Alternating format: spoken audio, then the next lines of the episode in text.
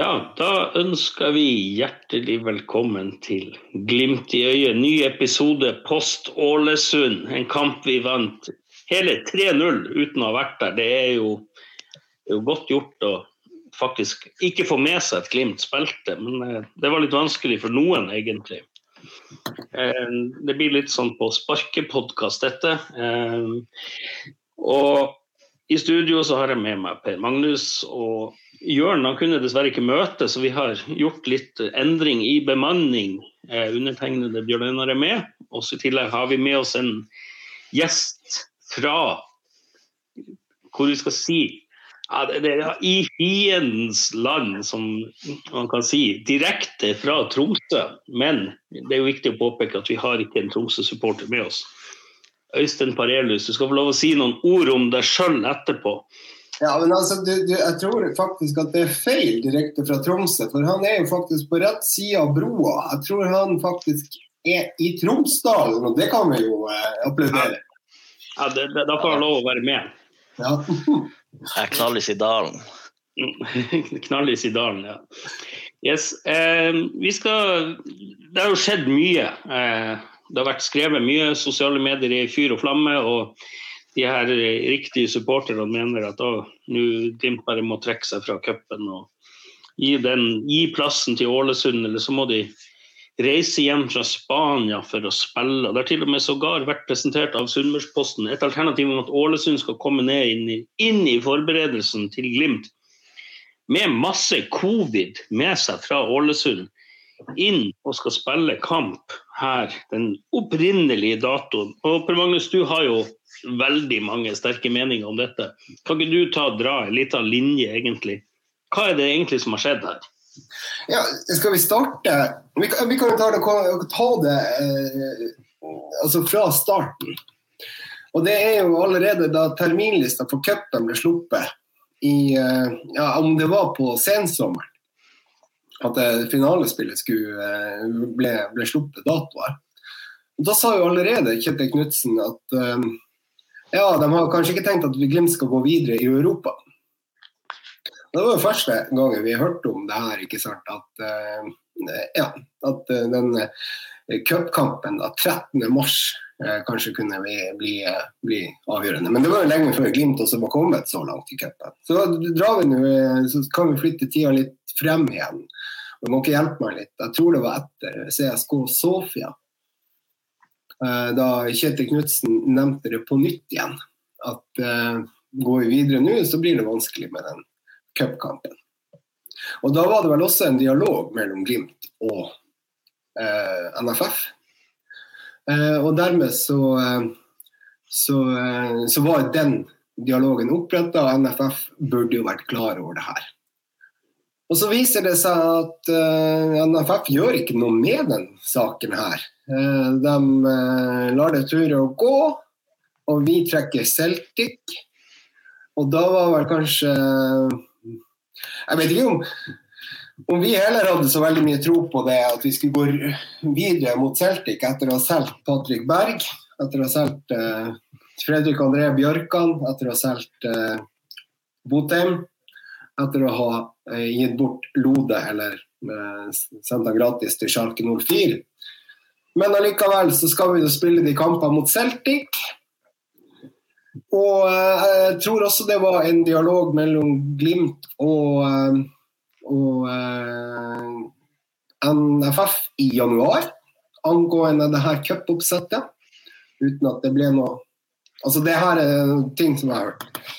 Og så er det jo da neste punkt at vi slår Celtic på Celtic Park, som alle vet 3 Og da kommer Glimt inn eh, for fulle mugger og sender inn en søknad. Søknaden ble, ble vel sendt offisielt den 22. Var ikke det det sto i Glimt sin pressemelding? Kan dere hjelpe meg på den? Ja, den ble sendt 22.2. Ja. Eh, Men det har vært oppretta dialog med Ålesund og NFF allerede. Eller fra NFF sin side så har det vel vært oppretta dialog den 18., altså dagen etter at vi har slått Celtic på Celtic Park. Og dermed så er vi i gang. Og da setter vi eh, eh, hva, hva det blir da? Da blir det jo da at vi vi har sendt inn søknaden, regner med at det går i orden. Nå ser jeg vi, altså Bodø-Glimt har sendt inn søknaden og regner med at det går i orden. Og at man kan spille da eventuelt som Bodø-Glimt ønsker, før eh, altså uka før vi skal møte eh, Aset 10. mars. Eh, og så er det vel eh, Ja, hva skjer så? Det, det er jo det store spørsmålet. ÅFK får vel et eh, covid-utbrudd, påstått. Covid-utbrudd. Får dere si ja? ja det, det, det, er jo, det, er jo, rett, det. ikke sant? At det, det er jo et, De sier de har et covid-utbrudd, og det har jo de fleste. Det har jo til og med vi i podkasten her også vært igjennom. Ja. Eh, og det er jo sånn, ja, Man skjønner det at de ikke kan yte 210% eller 110 eh, det, det er vanskelig med mye sykdom. Ja, eh, altså, men, men, det er jo det som er viktig å poengtere. Ålesund har ikke dokumentert dette overfor NFF og bedt om en utsettelse. Det har de ikke gjort. Og i tillegg så har også ja. Landberg også sa i avisa at vi blir ikke trodd. Ok, Hva er det dere ikke har dokumentert, da? Det er jo det store spørsmålet. Eh, så det er sånn Først og fremst, det er ikke noe kritikk av Ålesund. Ålesund signaliserte at de Glimt ønska kampen jeg må bare sjekke her. De ønska eh, at kampen skulle gå eh, 3.3 var det som var ønsket i søknaden. Alternativt 4., 5. eller 6. Ålesund signaliserte umiddelbart at det ikke var aktuelt for dem å fremskynde kampen. Så, så, det er sånn, ja, de har sitt på det tørre der. Mm. Men eh, Alternativet er der at med tanke på at det, var liksom, det ble to datoer. Det ble 13, 6. eller 13. mars. Og så har jo NFF brukt sinnssykt lang tid, noe Kjetil Knutsen eh, var ute og kritiserte dem for i lokalavisa Avisa Nordland. Eh, for de av våre lesere som ikke er fra Bodø. Eh, så var det der han sa at han, det gikk ufattelig lang tid, og det var vanskelig å kunne forberede seg til en bortekamp mot Aset med optimal oppladning. Eh, mm. Ja. Det, det, det, som er litt interessant, eh, det du sier der, Bjørn Einar, er jo eh, 3. mars var den datoen man, man først søkte om. Eh, og For en observante lytter så er det på en eh, torsdag. Og eh, det er, jo, det er, jo, ikke foruten grunn at alle Glimts treningskamper i Spania blir spilt på en torsdag. Celtic-kampene var på torsdager. Vi skal møte Aset Alkmaar på torsdager. Og det er fordi at man ønsker den, den ukesyklusen, å få eh, periodiseringa og styring av intensiteten i treninga inn mot kamp eh, helt optimal. Så, så det, er jo, det, er jo, bare det Glimt har spurt om. Kan vi gjøre noen endringer for at vi skal få en optimal inngang til, eh, til disse kampene mot Aset? Og så er det jo jeg har vært en lang passiar med Ålesunds-supportere på Twitter. Og det er den flisespikkinga på, på forskjellen på Eh, funker bra og optimal. For det er ikke noe problem for Glimt i sesong å spille to-tre kamper i uka, men det er ikke optimalt. Man skal prestere 100% sitt aller, aller, aller beste eh, på, på, en dato. Riktig. Og, og, og, det er jo også det, ikke sant? Her er det to aspekter her. Eh, det er jo det at Kjetil Knutsen han har sin tese, en av tesene hans, det er 'the devil is in the details'. Ikke sant?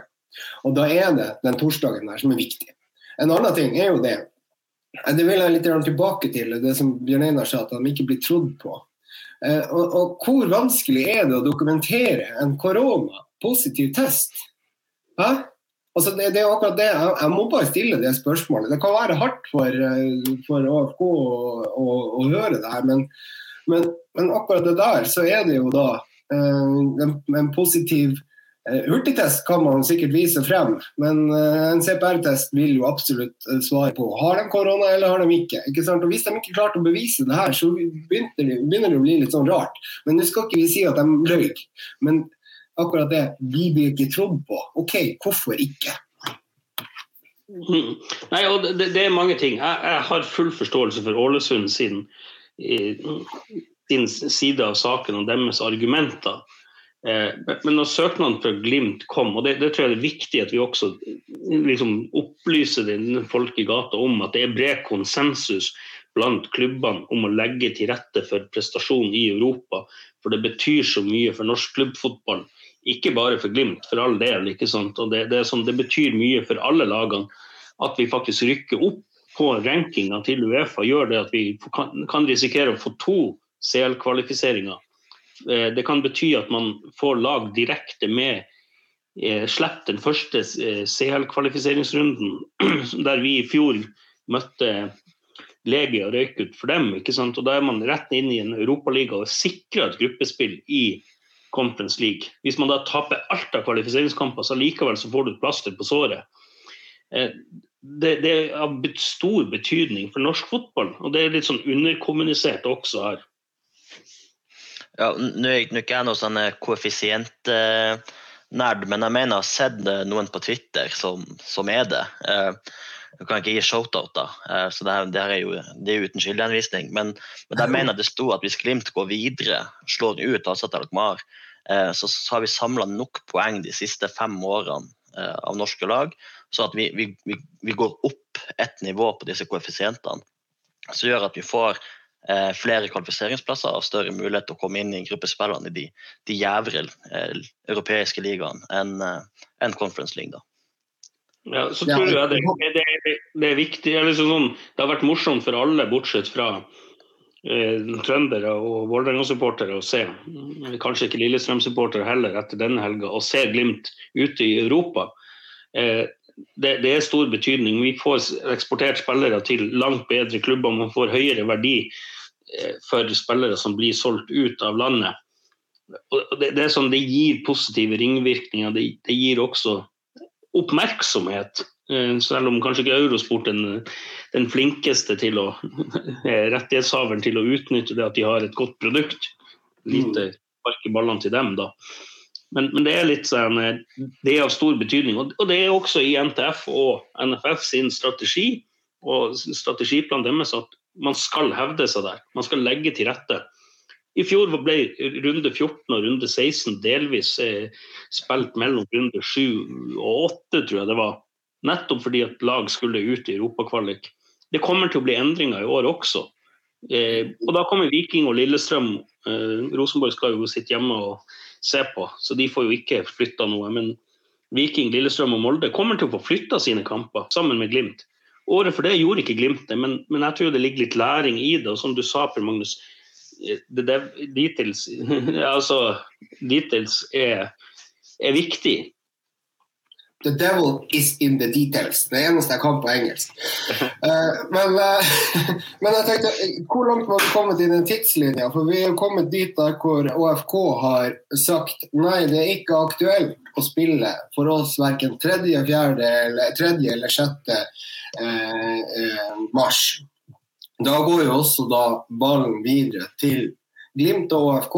Når kan dere spille ellers? For dere har ikke lyst til å spille verken 13. eller eller ingen av AFK ville spille 13., og Glimt ville spille 6. eller 3. Da går jo ballen videre til eh, Åråsen og Nardo. Nardo eh, fordi at eh, da var alternativet til Glimt og AFK at de kunne møtes den 20. mars. 20. mars var greit for både Bodø-Glimt og for Ålesund. Eh, og eh, det, hadde vært, eh, det er jo da kvartfinaler skal spilles. Altså, da skulle vi egentlig spilt mot vinneren eller, Ja, vi nå, da. Nå har vi gått videre. Så da skulle vi egentlig spilt mot vinneren av Og skal spille mot vinneren av Lillestrøm og Nardo. Uh, vi kommer dit hen at Nardo sier ja, men det er greit for oss å spille, eventuelt uka etterpå. Uh, og det var greit. Telefonen til Åråsen går ikke like bra. Den, eh, der skal de spille da kamp mot HamKam 2.4. Storoppgjør på eh, lokaloppgjør på Hedmarken. Eh, bygde, bygde Oslo.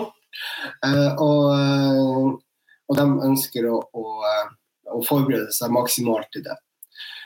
Dermed så er ikke det aktuelt for Lillestrøm å spille heller 30 som det var vel egentlig den ledige kampdatoen som NFF var opptatt av. ikke sant? At de skulle spille eh, etter landslagspausen.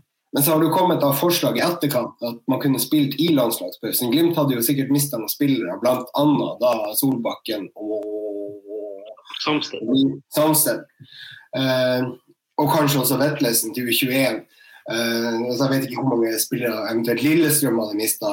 Nardo har vel kanskje ikke noen. Så, men, eh, men uh, det var ikke aktuelt for Lillestrøm å snakke om. Og Derfor vi, var vi tilbake igjen på uh, de to aktuelle datoene, som er, som er da 13. mars og den 6. mars. Glimt sier at vi spiller ikke 13. mars, vi har et opplegg opp mot uh, Alkmaar. Av de grunnene som vi har diskutert her. Og så begynner jo kaoset.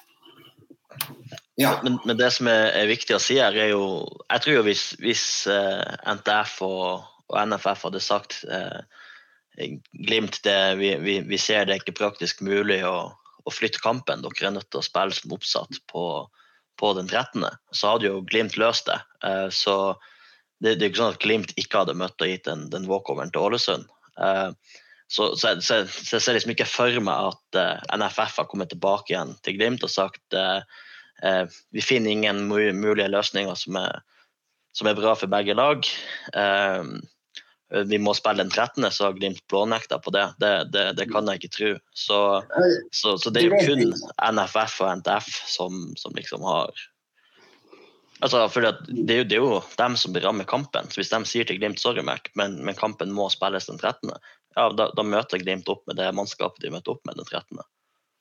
Ja, og det, det, I verste fall så kunne jo det vært et, eh, et eh, C-lag. Eh, det er jo det som er. ikke sant, at Jeg tror jo Kjetil har såpass eh, nå fått såpass mye erfaring fra Europa at han legger til rette for at vi skal ha det best mulige opplegget. Og jeg tror jo det at Glimt forberedte seg veldig mye til Celtic.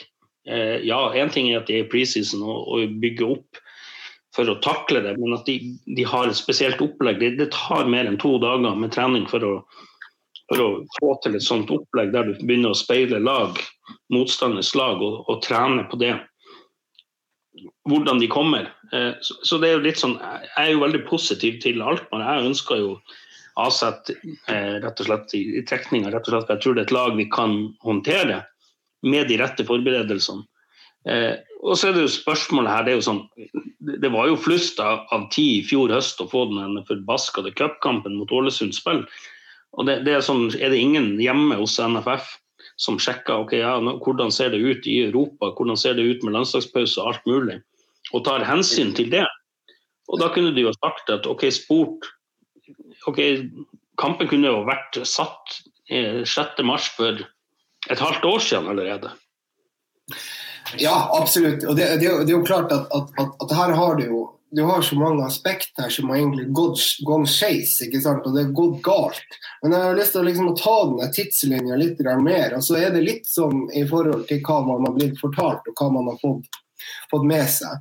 Så, altså, altså, ifølge, eh, Når vi kommer til det at uh, eh, NFF setter datoen til 6. mars, søndag 6. mars, så er det Ålesund ut og sier det først i avisa nei, vi spiller den ikke. Eh, og, uh, og, får jo veldig mye sympati for det her.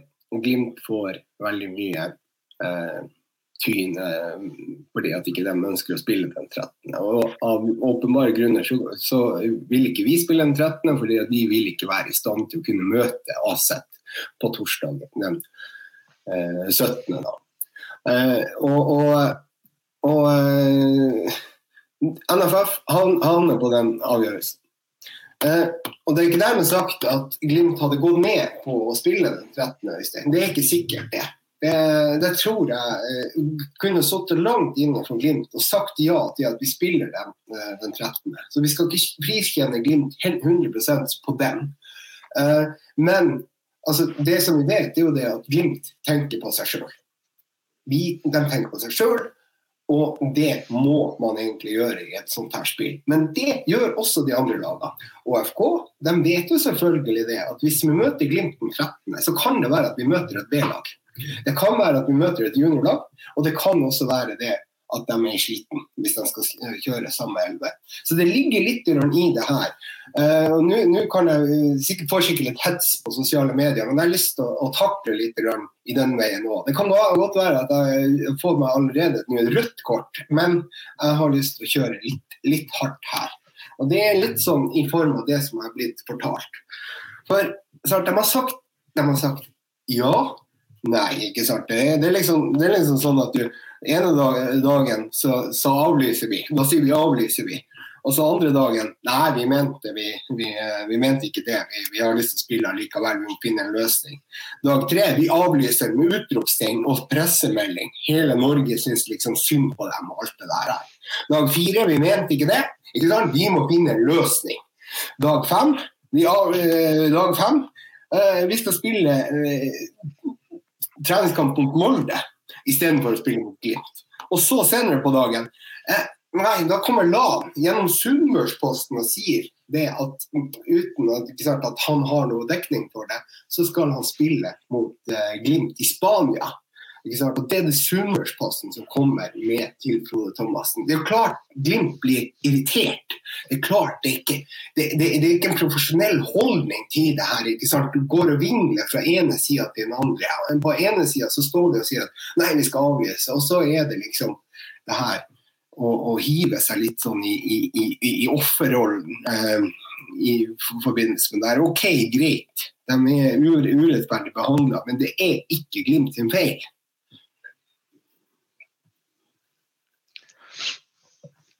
Ja. Nei, det, jeg er for så vidt enig i at det ikke, det ikke er Glimt sin feil, men, men, jeg er fortsatt uenig med deg i at eh, Glimt ikke hadde møtt opp i det hele tatt på den, den 13. mars. Jeg hadde sikkert møtt med, med, en god blanding av, av B-lagsspillere og, og, de som ikke spiller eh, eller ikke er aktuell, særlig aktuelt til å starte kampen mot, mot Assat Alkmaar. Men, men, jeg tror også Kjetil Knutsen og, og, Frode Thomassen er såpass eh, man sier, eh, de sier jo at det, det, er synd at kampen ikke skal avgjøres på banen. Uh, så, så, jeg tror Glimt hadde spilt den kampen hvis, hvis NFF og, og, NTF hadde sagt uh, sorry, det, det, det, er ingen alternativ, dere, dere ja. må spille som, som først oppsatt. Uh, de hadde spilt, så, det hadde de gjort, men de hadde ikke vært enig i det. Nei, nei, det, og nei. Det, er fordi at man, man, man, det er det, igjen det er forskjellen på, på Ja, ja, det, går an å spille den kampen, men, men det, gikk ikke optimalt inn i, inn mot de, de, kampene vi har mot Aset. Men, eh, men, jeg tror ikke Glimt hadde, hadde gitt Ålesund den på walkover. De hadde, de hadde erkjent at ja, kampen er satt opp den datoen, og da skal den spilles den datoen. Og Det er jo det, er jo det de sier i dag òg, er det vel. At eh, ja, kampen er satt opp nå til, til Den er beramma til 6. mars. Og, og, vi var interessert i å spille kampen, som, som forbundet har sagt. Men mm. Ålesund møter ikke til kamp. Ja, og det er et vesentlig poeng der. ikke sant, at, at det er nå serien NFF og forbundet og norsk toppfotball som, som, sammen med klubbene legger opp serien.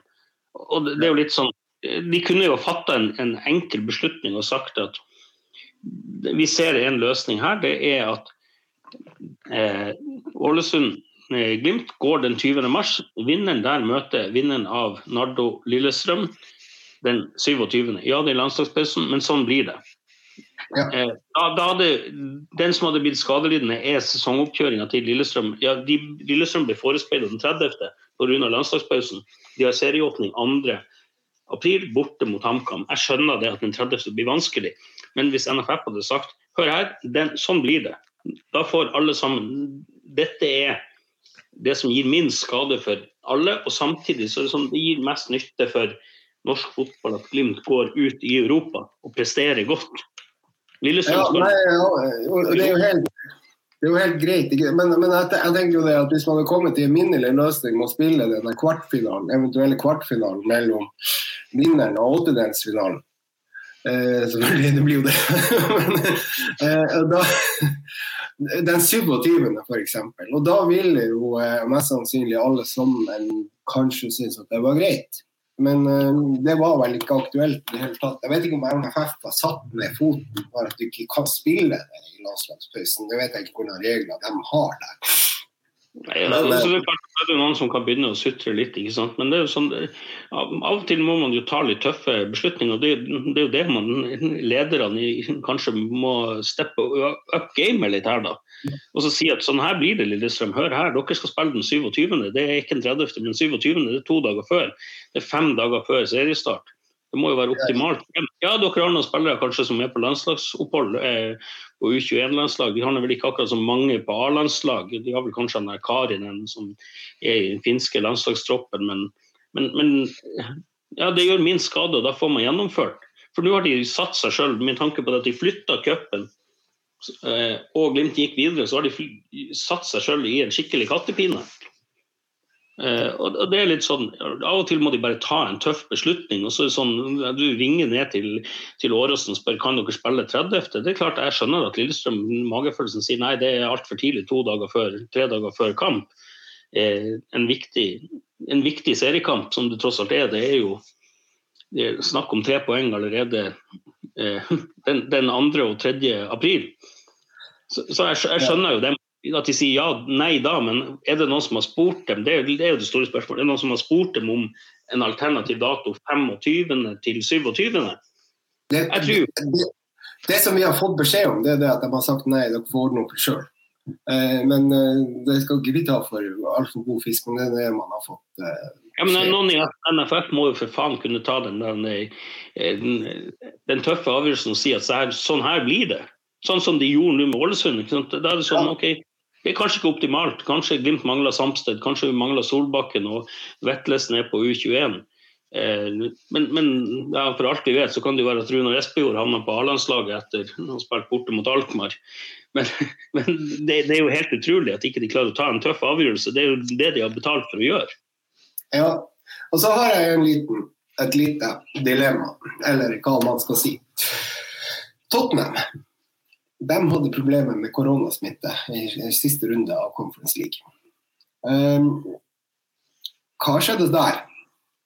Uh, var det Renn, fransk lag i hvert fall, som, som vant 3-0 på walkover? Ja. Hva skjedde der? Ikke sant. Så, så her er jo egentlig at Tottenham uh, røyk ut av Conference League pga. at de hadde korona. Uh, nå har, uh, La oss si at vi hadde fått korona nå, da altså Glimt.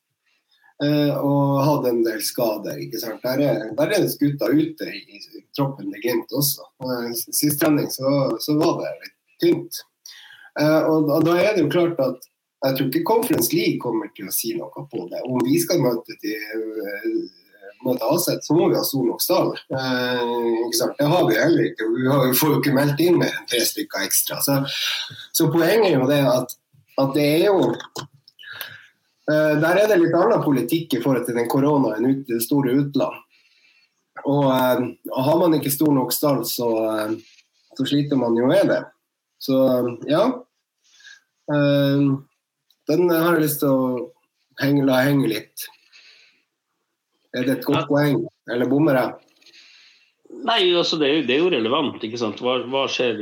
Altså, men, men, det er litt sånn forbundet har satt seg sjøl i en kattepine, og så ser jeg liksom at nå at folk begynner å si at Glimt skal gi seieren til, til Ålesund. Det, det, da, litt, da, da, kjenner jeg at jeg blir litt svett enkelte plasser. fordi at det er ikke Glimt som ikke møter opp. Forbundet beramma kampen etter søknad fra Glimt til sjette, og fikk den søknaden innvilga. Og OFK sier vi møter ikke til kamp. Men de skal møte Molde på tirsdag. Ja, det er, de sier de skal spille. Det, det, er mange unnskyldninger der også. Det er, jo sånn, det er jo lettere å finne unnskyldninger enn komme med gode løsninger, tydeligvis. Når de da sier ja, vi skal spille tre ganger 30 minutter. Jeg tror du Glimt hadde gitt 200 eh, i en kamp nå når de spillerne der det er mentalt når de skal ut torsdag mot Asset. Tror du Glimt hadde stilt toppa lag? Nja, litt sånn det, er den kattepina vi havner i med tanke på at vi har suksess. Uh, og det, Vi får leve med litt hat, men det, er litt sånn, det må være berettiget og litt basert på fakta. Det er, så mye synsing der ute. og Når jeg ser Eurosport og Sunnmørsposten, Avisa Nordland, VG, alle begynner å hive seg på med dårligere faktagrunnlag enn det vi har, som tross alt ikke jobber som journalister. Da er det sånn da, da, da, blir, jeg litt oppgitt. Eh, og det er, sånn, det er lov å ha mening, og det er veldig enkelt. Det er den enkleste sak i verden. Men det må da faen meg gå an å sjekke litt. Ja, altså, det, det, det, er også litt sånn tilbake til det som jeg, har kanskje vært litt for hard med OFK. Jeg kjenner at jeg er litt dumt i magen med det. Men det, det får du egentlig Det er du som må Hæ? ja, det er jeg som må møte dem og møte dem og veise dem. Men, men allikevel så er det jo det at, eh, at eh? Det er denne stadiet ja, jeg, Nå klarer jeg ikke å snakke sunnmøring engang, men, eh, men det her med at nei, vi avlyser. Og så sier de også til Glimt, ikke sant? jeg må gjenta det sjøl flere ganger at vi avlyser den kampen. Og så blir det jo så mye rot frem og tilbake igjen. Hva du tror hvis man hadde klart å roe ned det aggresjonsnivået litt? Kanskje de hadde fått, eh, fått sin vilje? Kanskje de hadde fått sin, sin, eh, sin mulighet? Kanskje de hadde, ikke skulle brukt media så mye i forhold til det som de har gjort? De har jo kjørt et sirkus uten like hver eneste dag denne uka i avisa. Ikke sant? Kanskje, hvis man hadde tatt det her ned på et nivå der man faktisk kunne snakka sammen, en ordentlig måte, og ikke begynne å snakke gjennom SMP eller Sunnmørsposten, som det heter. ikke sant? Så send en journalist for å, for, for, for, å, for å, stille spørsmål til Frode Thomassen. Ikke sant? Det, det er liksom det her, det her, opplegget med at du skal gå i avisa før du skal liksom eh, snakke med klubber. Hva, hva, hva er liksom hva, den, der, den, den, der skjønner jeg ikke helt. og det, Jeg tror ikke det har spilt i ÅFK sin retning i det hele tatt i forhold til det her uh, sirkuset. Nå blir dere stille. ja, men, men, men, det, men, det, er jo litt sånn Det er jo, det er jo litt greit å eh, skal, kan man si, føle, føle på den sjalusien som, som, er i Supporter-Norge. Eh, ja. det, det, er ikke mange år siden så hadde jeg sikkert sittet på akkurat samme viset og, og ranta på at Rosenborg skulle flytta sine kamper. og det det, det er Rosenborg og NFF som, som setter opp eh, kampene for at de, de, skal gjøre det best mulig. Men, men, men det, det, er jo sånn sett er det bare likhet på at man legger til rette for de lagene som er, som er i Europa. Så er det bare sånn at det er vi som er i Europa nå, og ikke Rosenborg som det var 20 år på rad på, på 90-tallet og begynnelsen av 2000-tallet. Mm. Ja, men det er jo de som er mest opprørt, og det er jo derfor det kanskje er litt godt. ikke sant? Jeg klarer jo ikke å klarer ikke å ta meg nær når det kommer folk fra Tromsø liksom, og syns at ah, vi gjør alt galt. Ja, nei, men vi nå, spiller nå nesten i forskjellige divisjoner, så det er nå det er noe åpenbart at vi gjør mye rett. Eh, så er det sånn at det er selvfølgelig ting man kan være enig med dem enkelte detaljer, men, men eh, akkurat i dette tilfellet så er det sånn Jeg, jeg syns det er viktig å nyansere at, at eh, kampen ble omberamma fordi at Glimt søkte det. og det er sånn, Glimt har ikke gjort noe annet enn å søke, og det hadde alle som er i samme situasjon, de hadde gjort det. Eh, Rosenborg ja. flytta kamper tidligere i hytt og gevær når det var snakk om noe der.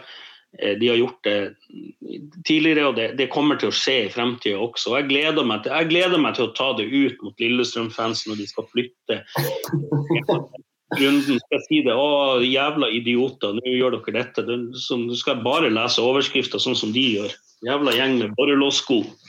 Hele gjengen.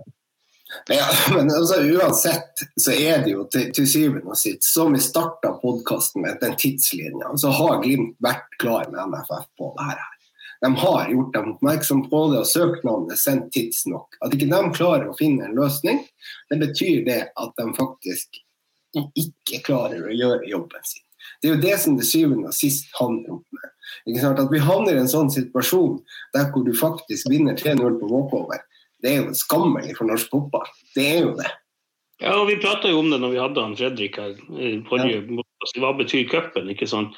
Og det er jo sånn, Øystein, jeg kan spørre deg, liksom, men for, for, for, min del først så er det sånn at jeg syns jo toppen har blitt, blitt, nedprioritert de siste årene, virker det rett og slett som både av rettighetshavere og, og at klubbene ja, Det er ikke det samme trøkket rundt det som det var før. Eh, og det er klart, Når du hører Fredrik si hvor stort det er å vinne cupen, og det er fotballens festdag eh, Ser man bort fra 16. mai, så er det jo fotballens festdag når det er cupfinale. Eh, og, det er jo ufattelig artig å være med som uh, supporter. Nå har jeg riktignok ikke vært på noen cupfinaler med Glimt, men jeg har nå vært og sett både Odd, Haugesund og Hødd Jeg var jo tross alt med på den store bragden når Hødd slo Tromsø, og det var jo ekstremt hyggelig å være der. Det, det, var, det, det er jo liksom et av de beste fotballminnene jeg har. Og da spilte ikke Glimt engang. Nei, ja, det hadde jo jeg også på meg Du husker hva jeg hadde på meg? Bjørn Ja, det var jo Norild-drakt. Og etter hvert så ble det jo en Hødd-drakt i uh, ja. Så den ble faktisk donert bort til klubbmuseet til Hødd uh, her tidligere i år. Men, uh, jeg føler det du sier, Bjørn Einar, med at uh, cupen kanskje har blitt litt uh, nedprioritert. Men jeg husker jo uh, Nå er jeg såpass ung, født i, i 92, at måte, det eneste cupeventyret jeg har vært med på med Glimt, det er jo 2003.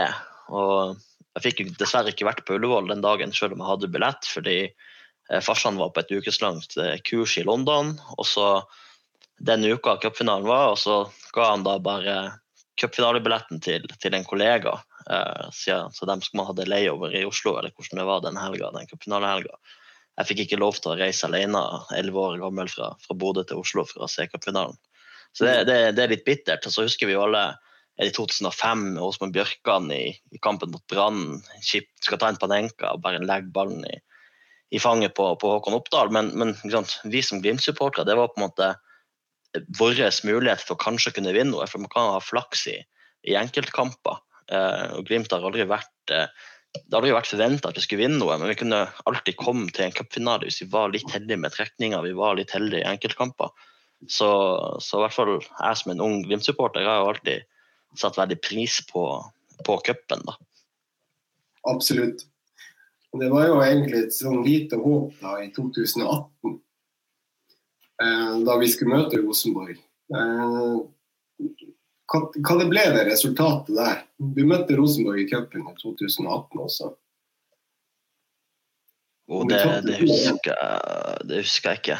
Men, uh, men, det, men, det, er jo tilbake til det Bjørn Einar sier om at det kanskje blir litt neglisjert. Vi husker jo alle cupkampen i år oppe i, i, Alta. Det ble jo kommentert av en eh, lokal journalist som jeg tror aldri hadde sett en fotballkamp. Eh, for så vidt eh, god underholdning. Eh, Fantastisk underholdning! ja, men man, man, ble jo litt oppgitt etter hvert, ikke sant? så man skjønte jo at eh, man begynte å lure på kan, kan han kommentatoren her egentlig offside-regelen. Eh, forstår han hva som skjer ute på matta? Men, eh, men, jeg satt jo og flira når jeg så kampen. Ja, Allan Klo han kunne sin underholdning, og det skal han ha. Han fikk jo ikke helt med seg de målene, men det var ikke så nøye, for det var så mye bra. Han er journalist, er, jeg tror han er NRK-journalist, men fotball var ikke akkurat der. Altså, han klarte ikke å følge helt med. Men perfekt levert. Jeg, sy jeg syns vi skal gi han en femmer eh, på terningkast, og så kan vi trekke den sekseren pga. at han mista et mål, men det får han bare være. Det er jo fordi det. Det er litt det som er sjarmen, ikke sant. At det er jo litt sånn eh, At det, det, er litt lavterskel. Liksom. Man møter Glimt reiser til Ja, møter noen lokale lag. ikke sant? Alta er jo et lokalt lag, og Alta spilte jo en bra kamp. Men, men sånn, det, det, er jo stort, ikke sant, når, når altså, Rosenborg reiser og holdt på å si vi får juling av Nardo hvis de hadde gjort det. ikke sant, Nå gjorde de ikke det, men, men, men sånn at du får noen sånn eventyrhistorier. Eh, og det, det, det, er litt sånn Jeg tror cupen er en, en, veld, en, stor mulighet for mange spillere og mange supportere til å oppleve å vinne noe. Ja, og det, er, det merker du i Ålesund òg. Og der er det jo veldig trist for de supporterne der. At du, du, har en god historie i cupen. Ålesund har en sånn fin tradisjon der. De har jo vunnet den to ganger. Og, eh, og, og, det skapes litt forventning i byen når de kommer litt lenger. ikke sant? Og Når du, når du har hatt en sånn her, så lang tid å vente på den åttendelsfinalen, så er det utrolig trist at de ikke får oppleve det. Eh, og eh, Jeg er nå en av dem som skulle på kamp i dag. Nå hadde jo kampen faktisk vært ferdig. Eh, men eh, eh, og, og, og, der er det Altså, ja. NFF. Ja. Jeg bare, jeg bare lurer på, når vi snakker om cupen og det er litt sånn lavterskel, man reiser rundt og, og møter andre lag. Eh, var det i cupen vi tapte? Var det 6-2 imot Tromsdalen i, på var det 2015 eller 2016, rundt om der. Danny Cruise bomma på et straffespark. Og... straffe. Det så, så det er jo liksom Kanskje århundrets straffe, men jeg husker ikke den kampen. Nei, men Det er sikkert fordi vi satt på, på Champs og, og trøsta, men uh... hvor, hvor forbanna vi var i Var det 2019 da vi røyk ut mot Strøm, eller var det 2018? Altså, det, det, var jo sånn at prioriterer vi ikke hvordan i fanken skal vi klare å vinne noe, liksom, når man ikke klarer å slå strømmen borte, liksom. Og det var jo de dypeste bølgedalene. ikke sant? Og det er jo akkurat det som er litt sjarmen med cupen, at man får noen askeladder som kan Nei, det var ikke det. Sa du 2018 eller sa du 2019? Jeg tror 2019, ikke det? Eller? Jeg tror 2019 vi røyk ut mot strømmen. Ja. ja. ja sa, sa du det? Ja. Det er jo årets kamp eh, for, for, Strømmen, da. Ja, absolutt. Men vi stilte jo også et B-lag, så det var jo det Det var det vi vi skal få, få den kampen flytta, det nå, si. ja. ja men, men Det er jo litt sånn at man reiser rundt til, til Melbu og Harstad møter de lagene der.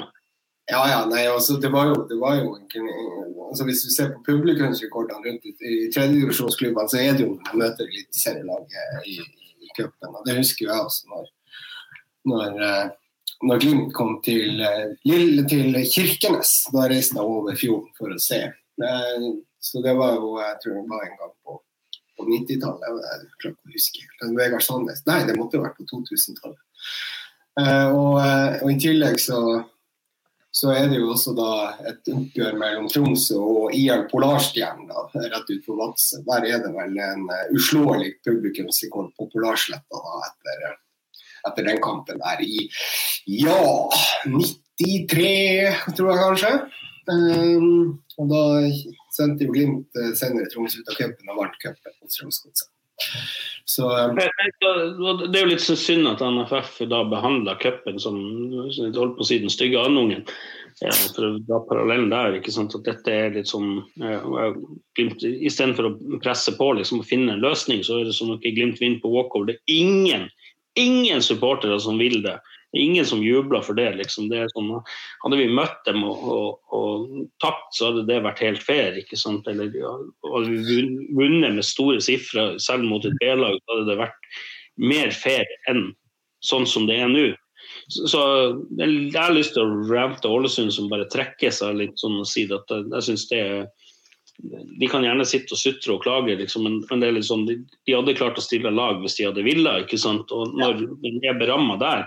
Men, men, først og fremst så er det NFF som, som har skyld i dette. At de da ikke klarer å få fingeren ut, si at Glimt, Ålesund, Ålesund Glimt går den 20. april, og så går en hvis eh, eh, ja, hvis Lillestrøm går videre nå sitter vi jo krysser fingrene for at Nardo går videre, men at hvis, Nardo, eh, hvis Lillestrøm går videre, så møtes de den, den perioden 24. til 27.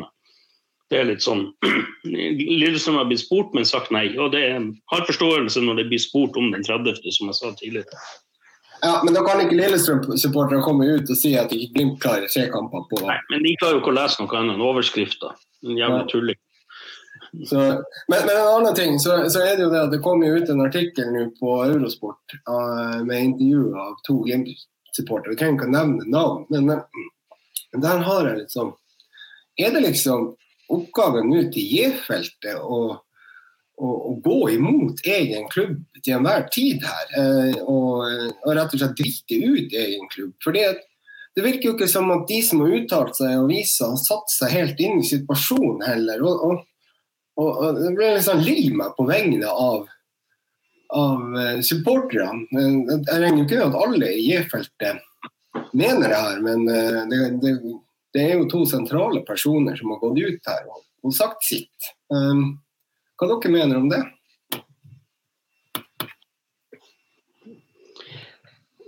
Altså, jeg blir jo litt sånn oppgitt. ikke sant? Igjen så er det sånn at man, man gjerne snakker kanskje følelsene snakker litt. og det er sånn, ja, Man har ønsker om fair play, det har vi også, det for all del. Men, men, men, det går an å nyansere dette litt. Og jeg syns ikke det at uh, de vært, er flinke nok å nyansere det er sånn, Jeg sier ikke det at Glimt gjør alt rett. At de alltid tar de rette avgjørelsene. At det var rett å søke om omberamming. Eh, jeg heller mot at det var rett å søke om en omberamming der, av det at viktig, pga. viktigheten. Så er det sånn at kampen er bestemt, at skal spilles sjette. Ålesund møter ikke opp. Så er det sånn, ok, Har Glimt et moralsk ansvar? Ja, til en viss grad, ja, jeg kan se den. Eh, Forkludra det planene til Glimt i oppkjøringa til Aset? Så absolutt. Så er det sånn, jeg synes liksom at Nå er det mye sånn at vi skal liksom alltid være den snilleste gutten og gjøre ting rett. Det er ikke alltid sånn verden fungerer. Av og til må man som sagt ta noen tøffe avgjørelser.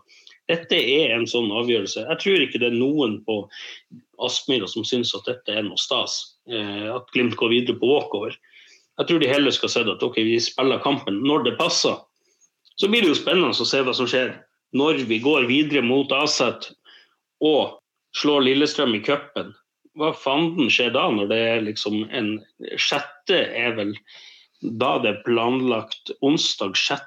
april er det vel planlagt en, en semifinale i cupen, og så er det ja. en, en europacupkamp den 27. Eh, du, sånn, du får masse følgefeil. Og så er jo utgangspunktet det at det er fordi at cupen er flytta fra høst til vår. Det er jo det som er det eneste utgangspunktet for at det er sånn. Mm. Så NFF har jo satt seg i en skikkelig knipe her, da. Eh, og det er sånn, jeg tror ikke det at eh, Tilbake til det du sa, Magnus. Jeg tror ikke det at eh, Glimt gjør alt rett, men, men noe rett gjør de. Eh, og de gjør det i hvert fall mye rett på den sportslige delen. De spiller jo i en annen divisjon til tider. Nei, men det, det, det ja. ja. Derfor tror jeg at Glimt er kommet så langt at vi kjemper både i, i cupen, eh, vant serien, kom oss videre fra gruppespillet. og Hadde det ikke vært som jeg nevnte i en tidligere podd her, at eh, dommeren dømte annullerte målet til Botheim, så hadde vi jo ikke måttet spille kvalik mot Celtic, men det har vært direkte inn i denne kampen mot Aset. Ja. Eh, eller da hadde vi faktisk ikke møtt Aset, for da hadde vi vært Sida. så, så, så, det kan jo ja, være altså, hell uhell. Hvis du sier det sånn at, at uh, sånn som du sier at Glimt ikke gjør alt rett, det er å, ikke føye seg etter, uh, etter uh, det som allmuen mener. Og det, det, og det, gjør egentlig alle klubber. Alle klubbene tenker på seg sjøl. Det gjør Glimt, det gjør Ålesund, og det gjør Lillestrøm ikke sant, i denne situasjonen. Eh, og Nå var det sånn at, at Ålesund satsa høyt og tapte hvis vi skal si det hardt.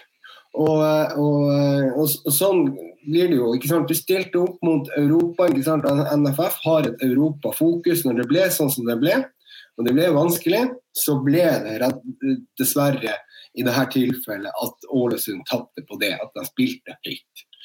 Eh, og, og, dermed så, så så, så, er det liksom sånn at alle tenker i utgangspunktet på sin egen klubb og sin egen vinning i forhold til alt eh, som skjer i norsk fotball. Og det må du nesten gjøre for å bli en vinner. Så ja Kanskje hardt å høre.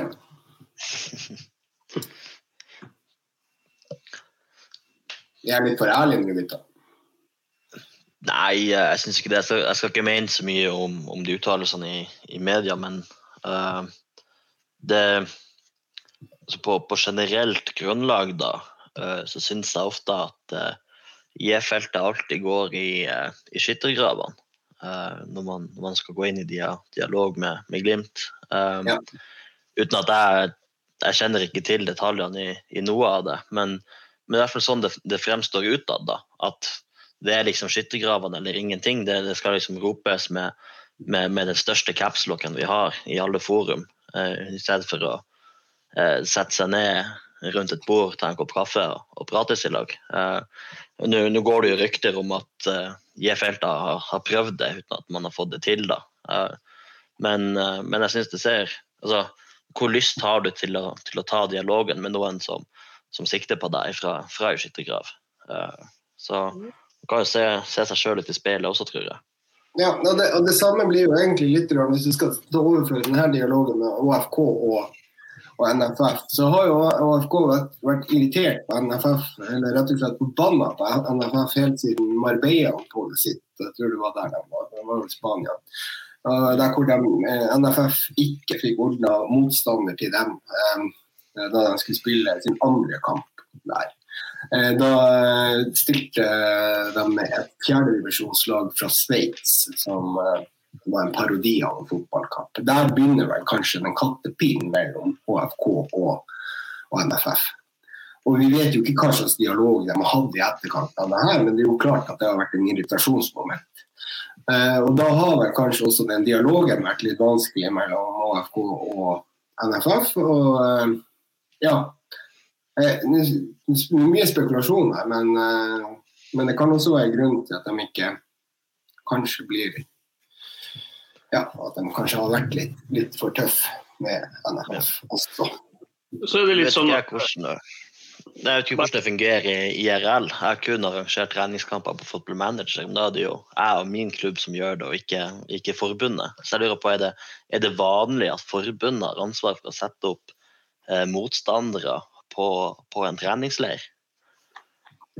Det vet ikke jeg, men jeg vet i hvert fall sjøl at Glimt eh, gjorde det i fjor uten problemer. Så jeg er ikke helt sikker på hva jeg tror det er sånn man betaler en, en del av fien, så er det sånn for å men, den, de betaler jo fire millioner for å være med i, i seriespill. At det er litt sånn at, og det inkluderer eh, mulighet for å reise på treningsopphold i, i utlandet, der de skal arrangere ja, med de ulike forbundene kvalifisert motstand. Men, men eh, det er sånn jeg tror det. Eh, men, men, jeg har litt lyst til å gå tilbake et lite hakk. Eh, ja, dette skaper en viss presedens, men, men dette, vi skal, må ikke glemme at dette er faktisk å legge til rette for Europa. Det er noe som har blitt gjort over flerfoldige år. Eh, kanskje et lite sånn eh, ok, tenkt scenario, men, men i fjor så flytta Brann, eller Rosenborg flytta 14.rundekampen mot Brann frem til Eh, det ble en midtukekamp der Brann hadde sitt tøffeste program. Se, hvor Når tid var det den ble flytta? Bare, sånn, bare, for å ha fakta klart her. Den ble flytta frem til 20. mai. Det skulle egentlig spilles ut i august. Eh, da hadde Brann akkurat møtt De hadde en bortekamp her mot Molde. Så fikk de en midtukekamp borte mot Rosenborg, og så skulle de møte Bodø-Glimt hjemme eh, søndagen etterpå. Og bare sånn til et tenkt scenario. Her, her flytta de liksom ok, Brann møter eh, tre av de antatt sterkeste lagene i divisjonen på ei uke eh, i begynnelsen av sesongen. Fordi at Rosenborg ønsker å gjøre dette hvis de hadde møtt Rosenborg når den 14.-rundekampen egentlig skulle gå, så hadde de faktisk fått alle alle forsterkningene hadde de ikke fått, men de fleste forsterkningene som de signerte i sommervinduet, de på eventuelle tre poengene de hadde tatt der, det hadde jo vært betydelig verdt for Brann. Hvis de hadde tatt de poengene. Kanskje og dermed så hadde Brann også berga plassen om det hadde skjedd. Skal vi dra det så langt? Altså, du kan jo dra det så langt. Så, så, dette er jo noe som det er bred konsensus om blant klubber og forbund. Eh, og så kan vi ikke glemme det at det er klubbene som utgjør både norsk toppfotball og forbundet her. Da. Jeg ser liksom det er mye synsing på Twitter, også som diverse fakta at Glimt har nestlederen i norsk toppfotball i styret, men så er det sånn styret er ikke noe utøvende organ. Så det er litt sånn ta dere sammen. Ja, nei, jeg leser jo nå på, på, RBK web faktisk eh, at eh, hjemmekampen mot Brann er flytta til 20. mai i stedet for 8. august. De skal få fri imellom kampene i tredje runde i europakvalifiseringa. Klarer ikke Rosenborg heller å spille to kamper på ei uke. Hæ? Hva, hva, jeg så ikke noe eh, Rotsekk eller Emil Almås eller hva alle heter på Twitter da. Bare å, Rosenborg er så dårlig trent, vi klarer ikke å spille to kamper på ei uke. Hæ, ta feit på egen dør først, før du er tøff på internett. Ja. Nei, og det samme i denne podkasten, så det kommer vel rett tilbake til meg. ja, ja, men vi får jo det tilbake. Men det så, det så, man jo allerede. Med en gang det ble innført noe om Lillestrøm, så ble det jo fullt kaos. Det var jo eh, det var jo ganske mange tøffinger der, og det får man egentlig bare tåle. Eh, så, så er det sånn at Jeg har skrøt av Lillestrøm i fjor, for de har faktisk Norges nest beste trener. Jeg synes jo det er ganske utrolig at ikke Rosenborg prøvde å hente han en gang til. Da. Men det er, sånn, det er klart og åpenbart at han kommer til, til, å gjøre det som er best for Lillestrøm. Så skal vi se om de, de er så jævla syns det er så fair play at Lillestrøm plutselig begynner å flytte noen kamper ut i august frem og tilbake. Eh, da skal vi se om pipa ikke får en annen, en annen lyd. Men det er jo jævla lett å sparke oppover. og Sånn sett er det jo ganske greit å sitte oppe der og bli sparka mot, for de når jo ikke opp til knehasene engang. Nei, men det må vi egentlig bare ta som en kompliment. At det blir spart sparka litt opp. Men, men, men, jeg føler at vi må også kunne få lov å si ifra. Og, det, og, og, og da, da eh, jeg, jeg, føler ikke at vi kan føle oss liksom krenka, men eh, sier det litt ifra at eh, sånn er det, og sånn opplever vi det. Og så kan det være at vi har fått litt feil informasjon osv. Men det er jo det generelle inntrykket man sitter igjen med etter denne fadesen som vi har vært igjennom nå. Og det må vi kalle en cupfadese, for det er det jo. Men eh, skal vi si oss ferdig nå med den cupen? Ja, jeg tenkte jo det vi kan jo, jeg sa jo vi skulle introdusere, og Øystein skulle få lov å introdusere seg selv. og Nå har vi holdt på snart en time, så det begynner jo å bli på tide med det. det... Skal vi klippe han inn i starten, eller skal vi bare ta den nå? jeg tenker at Han kan jo ta det nå, så kan jo de lytterne som, som potensielt satt og lurte på hvem er han Øystein, liksom, kanskje få, få svar på det, da. Jeg tror de har falt fra, de fikk ikke vite hvem han var. Nei. Ja, nei, de, de, som fortsatt er her, kan få vite det. Ja, Men, men Øystein, du, du, er jo åpenbart Glimt-fan, det har vi jo skjønt. Men du kan jo fortelle liksom Vi kan stille deg de samme spørsmålene. at eh, ja, jeg holdt på å si, Favorittspillet gjennom tiden og det hele greia. Ikke sant? Og største minnet og det der. Og så kan du jo legge litt ut om at du, du bor faktisk i fiendens land, men det er jo litt morsomt. Jeg syns jo du har mye ja. bra banter. Og så har du en egen sang. Ja, det har jeg òg. skal, vi, skal, skal vi ta sangen til slutt? Vi kan ta den, vi kan ta, vi kan ta den sist. Ja. ja. nei, eh, hvor skal man begynne? Jeg er jo ikke født i Bodø. Jeg flytta til Bodø i, i, i, 97 med foreldrene mine. Det er jo derfor jeg skarra på R, også for den observante lytter. Uh, min første kamp på Aspmyra mener jeg er Bodø-Glimt mot Haugesund en gang i august i 97. Da lærte jeg meg den sangen. Haugesund er tegneserielag, tegneserielag. Det, det er en veldig kreativ sang eh, der. Ja da, og, og, etter det så var på en måte jeg bitt av basillen og, og, hadde sammen med, eh, med en kompis og, og, flere voksne der eh, hadde vel sesongkort igjen fra 97, eller egentlig fra 98 da, til, til 2005 2019. Jeg flytta til, til, Oslo. Uh, hørte du name-droppa Perraklan forrige podkast, eh, PM. og jeg var, jeg, var, jeg var, aldri medlem av Perraklan, men jeg har faktisk stått eh, bakerst på Toyota-tribunen bak Perraklan for at jeg syns de var så, var så kule på stadion. det var jo morsomme. Ja, det var, var en artig gjeng. Det var litt mer fattig de inn i Havørnene, eller hva de heter, de som var supporterklubben før den gule horde. Uh, skal vi se uh, Beste minne med, med Glimt uh, det, det, er vanskelig å si. Uh, det er jo lett å si hjemmekampen mot Odd når vi rykka opp i kvaliken. Uh, så er det selvfølgelig hele 2020-sesongen. Uh, men da satt jeg i Tromsø på, på, en hybel og så på kampene på TV, så jeg kan liksom ikke måle seg med å være, være på stadion på noe som helst vis. Um, nei, jeg tror, jeg tror, det må bli, bli, de kampene mot Odd som, som, på en måte er det sterkeste jeg har opplevd på, på stadion. Bortekampen også, eller? Nei, da jeg gikk på ungdomsskolen, da, så det var ikke så populært å reise i midtuka. så, um, så satt, vi, satt vi vel tre, tre svette 14-åringer eller hva vi var, på, og spiste Grandiosa og drakk brus, rød cola og så, så kamp. Ja, nei, det, det, det, det, det er jo en sterk historie, det med Odd hjemme. Ja, da. jeg var, var, jo med der og sto med, med sånn break and leg-banner på, på, flyplassen. Ja. Og jeg tror vi kastet, jeg holdt på å si vi kasta snøball på, på Odd-bussen også. Var skikkelig tøff i trynet. Vi gikk på ungdomsskolen og, og ikke, kom, ikke, kom, hit til Bodø og, og kødde med oss. Men eh, det er kanskje det Det Hva Skal vi si det, det er vel så slem jeg har vært som supporter. Er en snill gutt. Ja, Men, men hva du, altså, du var nå også i Mjøndalen? Nei, var, det? Nei, du var, nei, jeg var ikke der. Jeg var, var på konferanse her på jobbmøte da. Ja. Så Nei da, så har jeg vært med i, i, Glimt i sør i mange år da jeg bodde i, i Oslo. Uh, ja, du kan jo fortelle at det var der du ble kjent med de to uh, medpodkasterne dine. Og lærer fikk sangen også på, på en busstur ja. til, til Arendal. eller, eller, var det, en annen busstur der jeg hadde drukket rundt hele, hele natta?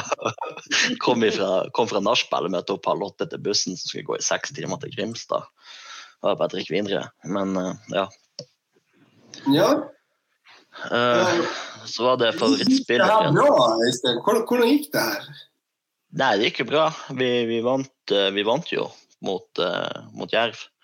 Sto vel hele kampen og ropte 'ta med deg, Brede', ta med deg' hver gang han hadde ballen. Fra første kampen hans tilbake på, på banen etter skissesyka eller hva han var ute med i halvannet år der. Um, men jeg husker vi fikk, vi fikk jo gratis pizza etter hvert på kiosken. For de mente at vi hadde, vi hadde behov for, for, fast føde. da. Da var det jo én Jeg skal ikke nevne navnet. Altså, ja, det var, det var nødhjelp der. Det var, det var sånn human aid for, for oss på tribunen der. Og det var jo en, Han, han ble jo geleida inn igjen av noen vakter i pausen, for han hadde stått på utsida av stadion og prøvd å praie en taxi til Oslo. Fra Grimstad?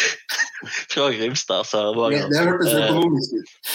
er det her er det deres folk? Ja, ja. Han, han, han har fått seg et varmepledd eller noe sånt, et ullpledd han hadde over seg på tribunen der, og så, så slapp han å ta taxien. Han satt på bussen hjem igjen.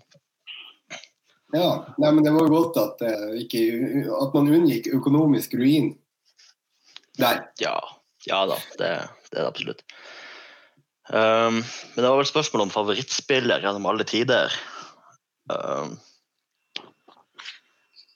nei, det er vel vanskelig å komme, komme unna Runar, da. Lesbio? Nei, Berg. Det han var, han var, var jo the shit. Uh, og så har du han Stig Johansen også. Uh, ja, men det, det, er vel de. Og så hadde man, var jo veldig svak for han Edre Bjørdal, faktisk, da, da, han var i Glimt. Han Birker Bjarnason. Men de var på en måte ikke lenge nok til at man skulle få en sånn all time eh, best. Uh, så hadde jeg en liten mancrush på Dominic Chatto, men det tror jeg kun fordi jeg er glad i defensive midtbanespillere sentralt der. Så det er liksom Dominic Chatto, Patrick Berg, eh, José Angel, eh, Christian Berg, Olav Råstad, Stian Teting. Alle de der som har hatt den dype sentrale på midtbanen til Glimt. Det er sånn, det her er, det er mine gutter. Men der er også sant, sånn, Pirlo, De Rossi, Gattusso, Makelele, ikke sant? Kan, Sunni Mentari, alle de der det, det, er på en måte mi, mi, mine spillere, da. Er de som liksom ligger dypt på midten der og bare styrer, styrer showet derifra. Ja, det, er litt sånn, bare en liten sånn replikk til det. Der tror jeg jo Glimt har, har den sekserrollen defensiv midtbane. Der tror jeg de har jeg tror de har gjort det til en ny rolle i, i, norsk fotball. Jeg tror jo ikke vi har sett en så god spiller som Patrick Berg i en, den rollen som han har vært de to siste sesongene. Det, det, det, og så er det sånn at Jeg trodde jo oppriktig talt at det skulle merkes mye bedre når han forsvant. for han er litt, Jeg trodde han var DNA-et, men, men, så kommer Elias Hagen inn og bare tar hansken og smekker til alle som sier at det her er eh, det her, har ikke helt trua på det. Han gir dem en skikkelig lanke rett over trynet. altså den, den, De kampene han har spilt mot Celtic, det var jo vært helt absurd. Ja, men det, det handler jo mye om at man har på en måte redefinert den rollen litt til å være du, du, er på en måte fortsatt skjoldet foran stopperne, men, men, du gjør det i mye større grad høyere opp i banen. Så du, du er på en måte med i den offensive markeringa og, og vinner ballen tilbake, eller dekker de viktige rommene når mot, motstanderen gjør, gjør bruddene, i stedet for at du bare skal, skal ligge der bak og, og, stå og ta imot, så står du heller oppe og, og trykker etter. Og det etterpresset der, som han, som han Patrick også han, han Elias har, har arva litt, da. Eh, som vi så i de kampene mot Celtic. Det, det, er en helt annen måte å spille den, den dype rollen på enn det det jeg har sett tidligere i, i Glimt og for så vidt i norsk fotball. Mm. Nei, også er det litt sånn at det, det, altså det dikterer jo tempoet. Eh, det er jo ingen som kan si, si imot på det. Liksom, at Den sentrale midtbanespilleren er jo den som dikterer tempoet, setter i gang angrep eller ja, sitte og vekte liksom, når skal vi angripe, når skal vi ikke gjøre det. Eh, så, så det er ikke liksom bare en ballfordeler. Eh, det, det, er jo en, og det er jo sånn det, det, Jeg syns det er ufattelig trist å miste Patrick Berg fordi han var så god på slutten. Eh, det er sånn, jeg, jeg, tror jeg sa det i gruppa her, at jeg tror ikke Glimt noen gang hadde en bedre midtbanespiller enn Patrick Berg. ikke sant? Og så er det sånn, så viser det seg at Elias Hagen bare tar opp hansken og det her det, skal vise deg at det her det, det fikser vi. Jeg blir jo oppriktig glad når jeg ser det. liksom, og jeg eh, har jo sett Hagen mye. liksom, og Husker jo 5-1-kampen mot Rosenborg, hvor god han var da når Patrick var ute. Så jo at det var mye fotball i han. og jeg tror Hvis han leter ned i lomma, så finner han fortsatt han skjellbredd ned, nederst der. Vi skal ikke glemme det at Patrick Berg også var skada når vi spilte borte mot Roma. Så um, da, da, tok han virkelig tak, og uh, har virkelig stått opp nå etter at vi har begynt å spille obligatoriske kamper i hva vi skal kalle det her, vinter-vår. Så Det er jo vår her på Sunnmøre, jeg vet ikke hvordan det er i Tromsø. Det er, vel... det er vinter. Det er... er det snø utafor? Er det det, liksom? Utenfor ja, det, det, er snø. Det, det kan bekreftes. Det, det, er jo jeg husker når jeg flytta til Tromsø, så var jeg sånn i begynnelsen av mars så sa jeg til søskenbarnet mitt at ah, nå er det deilig, det blir, det, det blir snart eh, vår. Kommer kanskje den første løvetanna snart. ikke sant? De, de er viktige vårtegnene. Nå bare Øystein, det er greit i nordlending, men Bodø er 350 km lenger sør. Ja. Så der har jeg lært meg at uh, mars, og for så vidt april også, det er vinter. Yeah. Mai det er litt sånn 50-50. Juni det, det, er rett på sommeren, det er ikke vår her oppe. Nei. så akkurat den sangen til Jørn Hoel, er ikke det eh, Eller er det Tromsø-sangen? En vårdag i Tromsø, det går en linje der. Den er, den er, den er feil. Ja, nei, det, det, er ikke vår i Tromsø. Det, det bare ja. rett fra vinter til sommer. Ja. Men så var det den sangen din, da. Ja. Jeg, jeg, jeg, ja, vi må jo gi en shout-out til Jonas Klingan. Som, som det, det, er Jonas, det, er Jonas, Production, det her også. Det er det, han som har laget Dæven Daily, det her også. Er det han? Ja, det er vel det. Er vel det. Men det, det, er Jonas Production, så tror jeg det er, det, er co-production kanskje med Jostein. Men det ja. går i hvert fall uh, Vi har Øystein, Øystein Parelius. Tror ikke helt dere forstår. Han drikker døgnet rundt, og det er ikke sunt. Vi har Øystein Parelius. Nydelig. Det, det, her er, det er vakkert. Eh, så, jeg tror vi sang i kano der, men uh, det er fint. Høy, høykultur. Ja, ja. Ikke sikkert at lyden er så bra. Jeg kan jo òg det, men uh, det er jo, det er jo nydelig sang. Men hva... Vi får invitere deg flere ganger, men, men hva du tror du om sesongen i år, da? I sesongen i år eh, det, det, ser jo unektelig veldig bra ut. Jeg må si jeg har blitt veldig fan av han, eh, av han Bris. Um, og han eh, Jeft, eller han Sexy Larsen som vi kaller han på Twitter, han ser jo veldig bra ut. Um, de, de, få minuttene han spiller før han fikk hjernerystelse. og du, du ser at det, det, er prov på på en ballsikker stoppertype, som, som jeg tror også kan, kan bekle eh, en backposisjon. Uh, fått tilbake Isak fra Tromsø, som, som det, det lille jeg forstår det her oppe, visstnok har gjort det ganske bra. Riktignok i en, i en trebackslinje, uh, da. Uh, men han også spilte jo den nevnte 5-1-kampen mot, mot, Rosenborg på Aspmyra. eh, på slutten av 2020 der. Eh, så han er jo unektelig en, en spennende stoppertype. Ja, det er jo, Å spille mot Rosenborg er jo naturligvis ikke ja, det. Ja, Man sliter jo litt med å være best i byen også, så det, Nei, de sto jo æresvakt før kampen. De, de sto vel egentlig hele den kampen og bare klappa og applauderte. Så det, uh, også, så, det er jo spennende å se hva, hva som, hvordan det går på, på, på midten med han uh, Elias og han Gaute. Uh, Elias har jo uh, vist prov på, på gode takter. Og så har vi jo evighetsmaskinene Saltnes og Konradsen. Hugo har sett veldig skarp ut. Jeg tror Hugo blir, blir å spille fast i år. Jeg tror han, tror han Sondre skal, skal kjempe hardt for å få den plassen tilbake igjen. Eh, for jeg syns Hugo har tatt, tatt steg rent fysisk, og nå eh, dekker de rommene, gjør de løpene eh, press, de, de, de, pressløpene som han Sondre tok, som han Hugo ikke tok i starten. Så syns jeg han Hugo er litt bedre med, med ball slår litt mer kreative pasninger, finner de rommene eh, som Men, men det, det, det, som er, det, som er, litt viktig, det er jo det at under eh, jeg tror det var dag én av invasjonen av uh, Ukraina, så kom det jo en gledelig nyhet på glimt.no som vi ikke helt klarte å liksom, eh, Jeg klarte i hvert fall ikke å, å, å, ta den innover meg på en, på en god måte, eller på, på, på, en måte som det fortjener. og Det er jo det at vi signerte Anders Konradsen. Ja, det har vi også gjort, faktisk. Så, og, og, og, der har jeg lyst til å bare spørre dere hva dere tenker at Anders kan bidra med i Glimt. Han er 31 år, men fortsatt så tror jeg at han har noe å gi.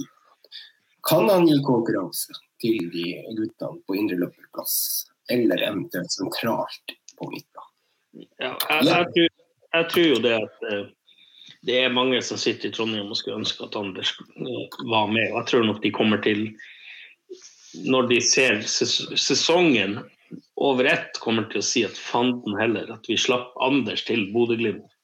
Uh, han kommer til å bringe inn en erfaring som jeg tror blir viktig når vi skal ut og spille CL-kvalik. Eh, og så er det sånn det at han har noe som Han er litt unorsk også, sånn i typen Han, han kan gå, gå, på løp inn i boks, avslutte. Han er en potensiell matchvinner fra indreløperposisjon.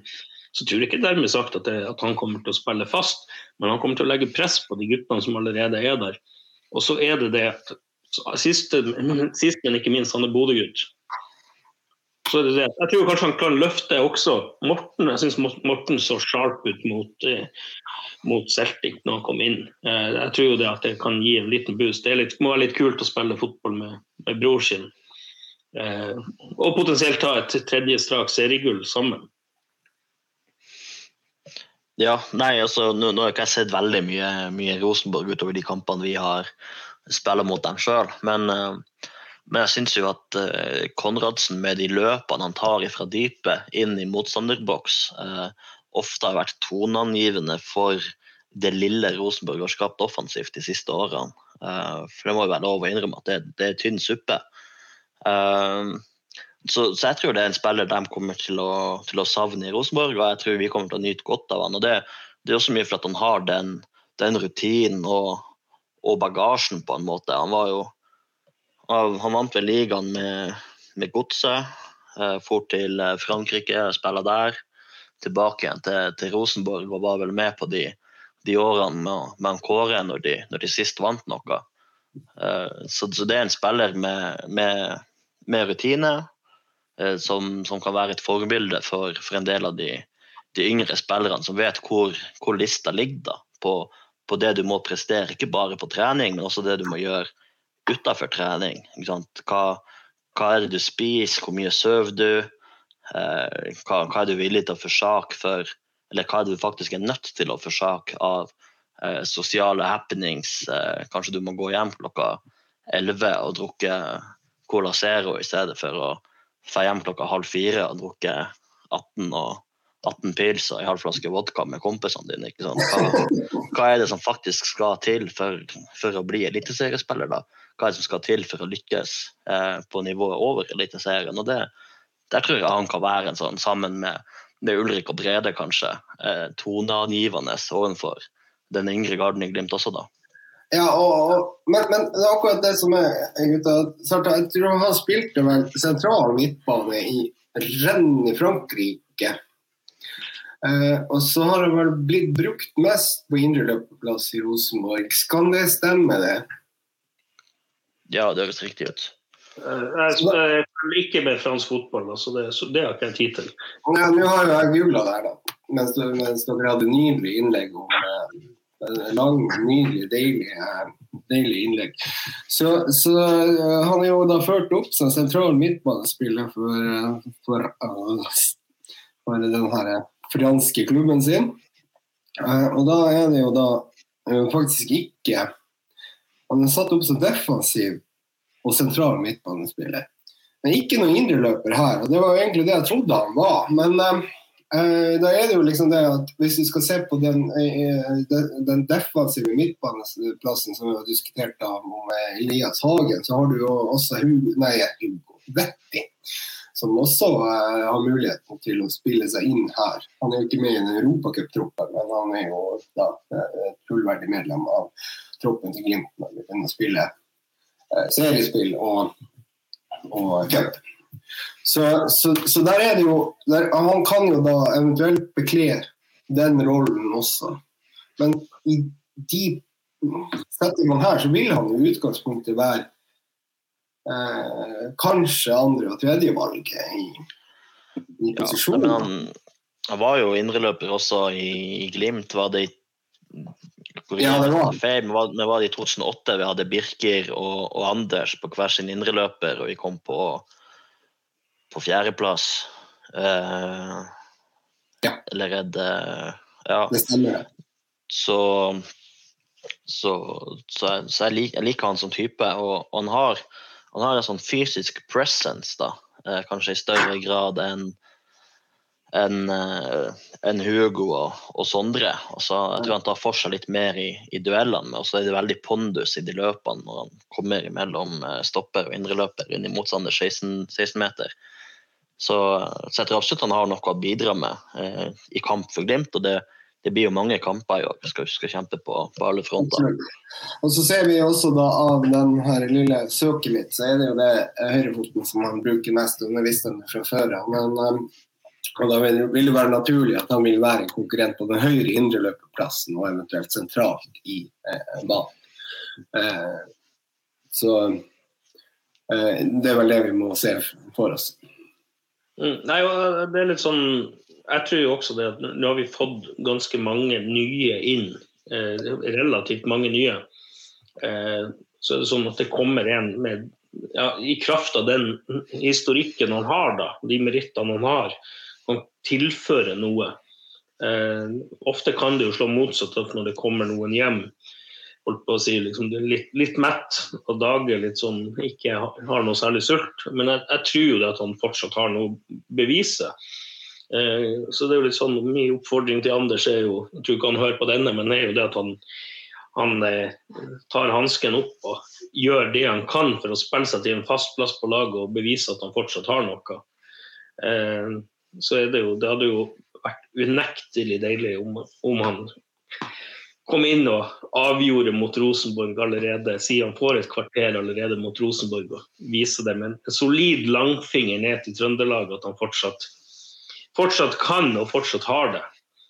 Eh, så tror jeg det han, han, han, gjør det billigere for Glimt enn han noen gang har gjort for Rosenborg. For jeg tror nok det at det, han har ikke samme lønnsslipp i gult som det han har der nede, hadde der nede i Midt-Norge. De betaler vel, Kjenner jeg de rett, så betaler de vel lønna ennå. De har vel sikkert sånn etterlønn på et par-tre år der òg. Ja, men det, det, jeg, jeg, tror det er andre grunner enn sportslige grunner som gjør at Konradsen ikke fikk en ny kontrakt i, i, i Rosenborg. Eh, det handler nok litt om, om alder og, og, litt om, om lønnsnivå. At man, man, er nødt til å jeg tror han rett og slett er offer for et eh, gen, på, påbegynnende gen, generasjonsskifte i Rosenborg. For jeg tror han fortsatt hadde hatt veldig mye å gjøre eh, for dem på banen, og det tror jeg han fått glimt av. Ja, de, de, de hadde henta han der Fibema, kan han kom med noe sånn ah, Glimt måtte passe. Så bare ja, Når de begynner å hente en tromsøværing som har spilt U-fotball for Chelsea, jeg vet ikke helt om jeg blir kjempeskremt av det. det er sånn Hvis det er nivået, da Jeg vet ikke hva Fiabema er det han heter? Det er vel, ja. Ja. Kan minne om at det, det, er bare to spillere født i Tromsø som har vunnet Eliteserien. En, av de, en av de gjorde det for Glimt, og den andre gjorde det på 50-tallet. Så det, statistikken er nå imot han. Ja, det, det. Var ikke det en av de Nilsen-brødrene som vant på Viking i 91? Er det, er det riktig, det? Det andre? Mm, ja, det, det er jeg usikker på. Eller en av de her karene der. Ja. Ja, han, han, han, han, har ikke god, god, god odds, liksom. Nei, han har ikke det. Nei, men, men, jeg husker at Ronetki var den, bare den andre fra Tromsø som vant ligaen. Ja. Vi satser på at Espejord blir nummer, nummer tre. Da. Ja, vi håper det. Han har jo litt å leve opp til. Ja, Espejord blir jo nummer tre. Det må vi nå satse på. Hæ? Ja, men hva, hva dere tror om Runar, da? Blir han, blir han, frisk og rask? Får vi kikk på kroppen hans? Jeg synes vi, altså, vi så prov av det han kan i, i første omgang borte mot Celtic. Andre kampen er det som Jeg tror, jeg tror Glimt ble tatt litt på senga av hvordan Celtic kom, rett og slett. Eh, men, men, jeg tror vi I Runar så har vi, hvis han vil, en potensiell toppskårer. Men, men, det handler om hva som han har mellom ørene. og om man klarer å få ut potensialet. For det er ikke noe tvil om at det er potensialet der. Eh, altså, han, han, er, han, er, jo utvilsomt i, i, sin beste form, og vel, vel å merke i sin beste form. Så han er bedre fotballspiller nå enn Erik Potter. Det sier litt. Ja, nei, eh... han så jo litt uh, Kasper Junkersk ut i, i første omgangen eh, mot, mot, Celtic på, i. på, på, den sida av damen, skal jeg ta si. Så, så det er jo lov å håpe. Kanskje ikke Vassere, ja. Men altså, eh, det er litt sånn, jeg tror jo det at vi har fått altså, Som jeg skrøt av han Gaute Helstrup i en tidligere pod, for jeg syns han, han, gjør mye bra med det, de ressursene han har i Tromsø. Eh, men, men Runar Espejord passer ikke inn i den spillestilen. Eh, den Runar Espejord, Fitt Runar Espejord på topp i Glimt, han kan bidra med mye. Også når du tenker at han har en Pellegrino og en Solbakken på hver sin kant. Det er noe annet enn en August Mikkelsen på 19 år og en Moses som, som springer. og så At de ligger, ligger, og skal spille seg ut bakfra og blir låst av. Eh, han kommer til å komme til mye sjanser. Eh, så handler det om at han har hodet på rett plass. Og så tror jeg det at du har han godeste Victor Boniface som kanskje kan pushe på bakfra. og viser det at jeg har lyst på plassen. Og det at det er konkurranse om den spissplassen, det var det jo ikke i fjor. Eh, Botheim var jo alene. Vi måtte jo spille med Botheim uansett. Og utfordringen, men, men utfordringa her er jo litt sånn at det er ikke alt som er på plass ennå. Og nå har han dessverre vært sjuk, Runar Og uh, det tror jeg er veldig ugunstig i forhold til formutvikling og den biten der. At han trengte ikke det. Eh, så, så, eh, vi får se hvordan det her går. Altså, eh, men jeg har lyst til å ta opp en annen ting før vi avslutter. Det var jo mange som har spurt om, om han Botheim er aktuell for Glimt. Det vil jeg ikke tro. Han har såpass mye lønn for eh, Krasjnodar at, at det der vil ikke Glimt kunne være med på. Hvis han blir fristilt, så må han bli signert av en klubb. Uh, og det kan heller ikke Glimt i det hele tatt gjøre i form av den lønna som han egentlig forventer av en ny klubb. Jeg tror jo kanskje, kanskje en klubb i, Newton eh, i det andre nivået i England eh, kanskje kan være mer aktuell, eller noe sånt for, for Botheim. Det eneste som jeg kunne liksom, det er jo helt vill fantasi. fantasi. Det, det, det, vil ikke skje da. Glimt låner han nå i uh, i en par måneders tid, men det, det, det, det tror jeg ikke skjer.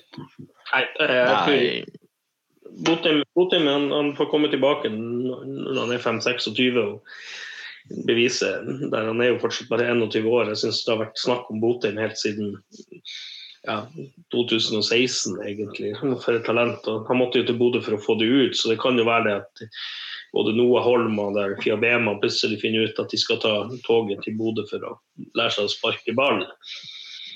Det, når den tid kommer, når de liksom har blitt prøvd å satse på Jeg synes jo det er litt Vi, vi har jo glemt én ting, og det er jo å si at det, det, er jo, det, er jo, greit å se at Ranheim faktisk gjør det bra. Det er jo, som, det er jo en klubb jeg har litt sansen for. og best i byen er de vel. Nardo er vel kommet lenger i cupen, men, men, Ranheim slår Rosenborg litt enkelt 3-0 på hjemmebane her. Og, eh, det, er jo, det, er jo, godt å se da, at Rosenborg er i rute. Eh.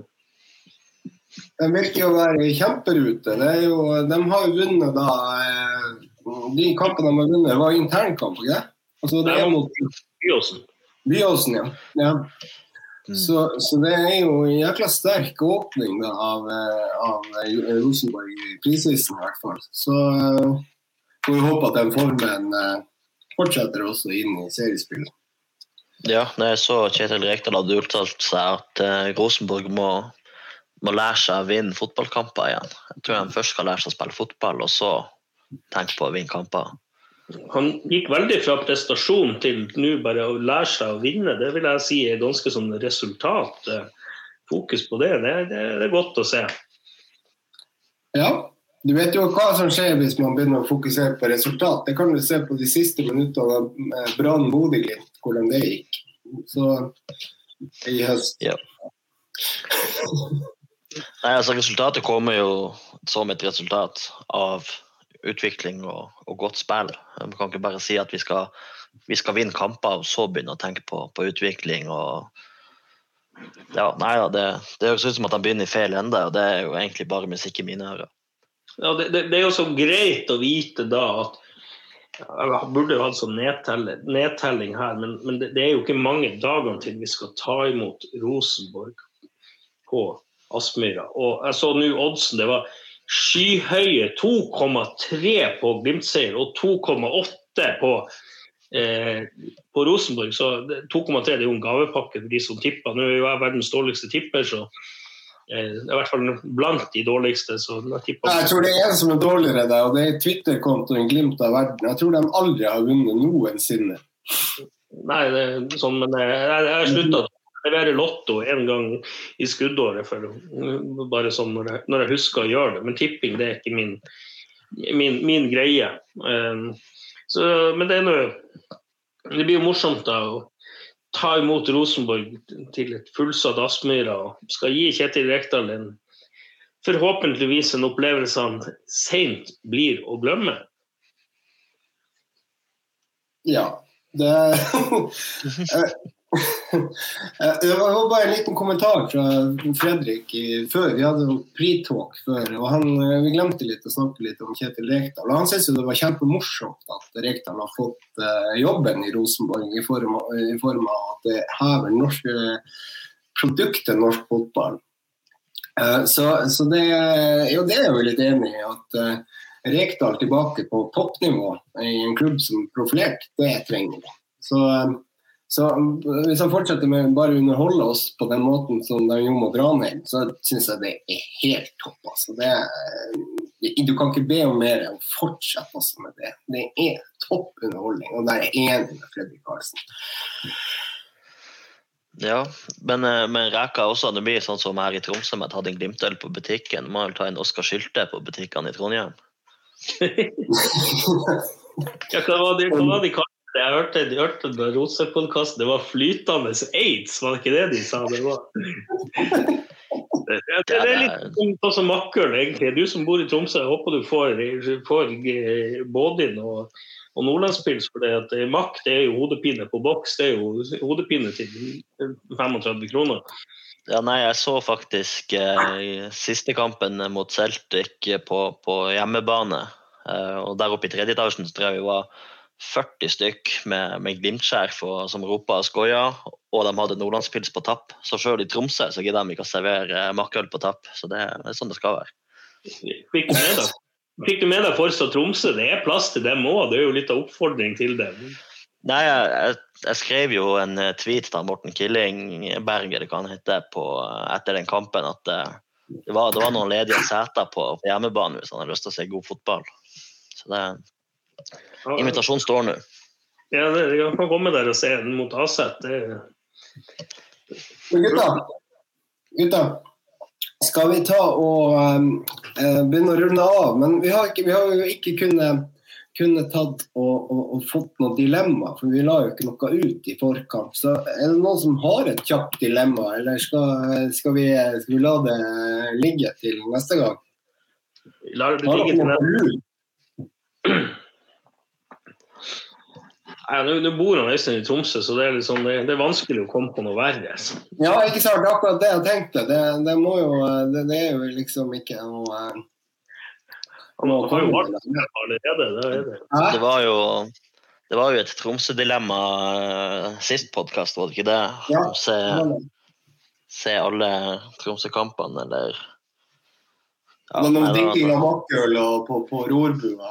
Jeg tror faktisk jeg havna på det, det er jo livet du lever, Øystein, er det ikke det? Det er måsegg og makkøl og på rorbua synge med Marius Brynildsen der. Ja, men det, men det, er litt gøy. Jeg, jeg, kan ikke si at det var han som sto og sang, da, men uh, det i fjor eller i forfjor utpå høsten der når Glimt lå an til å vinne Det må være 2020. Glimt lå an til å vinne sitt første seriegull, så jeg på Rorbua. Og så var det en trubadur der. Og så i en sånn liten sånn, eh, sånn pause i spillinga, så det er en av de jeg med som rister opp, og så spør han du eh, kan ikke spille eh, min trio 'Toget fra Bodø'. da, da, var, da var ikke vi så populære lenger Torbjørn fikk vi streng beskjed av, av vakten at det var egentlig bare å finne seg et annet sted å drikke øl. Det, det der er, må jo være Marius Brynjulfsen. Det er garantert han. Uh, så uh, Nei, jeg klarte ikke å finne han. Men uansett så syns jeg vi har hatt en uh, ganske OK kast i dag, selv om mentor og sjef har valgt å legge inn årene i kveld. Så så eh, jeg må takke Øystein for at du kunne være med og bidra med din kompetanse på ganske mange områder her. Så eh, det var jo helt nydelig. Ja, hyggelig å bli spurt på en sånn kveld. Ja, du fikk jo tre minutters varsel, så det syns jeg er Men hva, har du noe mer å tillegge der? Nei, jeg tror vi kan begynne å avrunde. Og så er det sånn at eh, ja, For å oppsummere litt, da, så er det jo det at ja, det er ingen i Glimt som ville vinne 3-0 på walkover. Vi hadde gjerne spilt mot Ålesund eh, mer enn gjerne. Vi liker å se fotball, vi liker, ikke, vi liker prestasjon, ikke nødvendigvis de resultatene som, som, kommer. Og fotball skal spilles på banen, så dette er et lite sånn tupp i ribbeina til NFF. Eh, dere burde, hadde klart å løse dette hvis dere hadde gjort, tatt en ordentlig lederavgjørelse og sagt at Eh, dersom eh, Lillestrøm eh, går videre, så må dere spille mellom 24. og 27. Da rekker du å få Asestyrtenar og Ålesund-Glimt den 20. og så er det litt sånn til supporterne. Ta sjekke fakta først og fremst. man kan gjerne være sur, men det er Ålesund som velger å ikke eh, møte opp. Glimt søkte og fikk ja. Det er det eneste de har gjort. Og så vinner vi på 3-0 på walkover fordi at eh, kampen ble beramma da Ålesund velger å ikke møte opp. Eh, jeg tror jo hvis de hadde ikke vært så sta, så hadde de klart å stille lag i dag. Så det er, sånn, det er ikke ideelt. Det er ingen som ville det. Men, men eh, det må gå an å finne noen alternative løsninger. Og så er det litt oppfordring til NFF det er fortsatt ikke for sent. Ja. Og så en oppfordring til Lars Arne Nilsen. Neste gang du skal komme med et forslag, så ikke bruk Sunnmørsposten som eh, budbringer. Da tror jeg du må prøve å komme med mer offisiell ut, en, et mer offisielt spørsmål enn som så.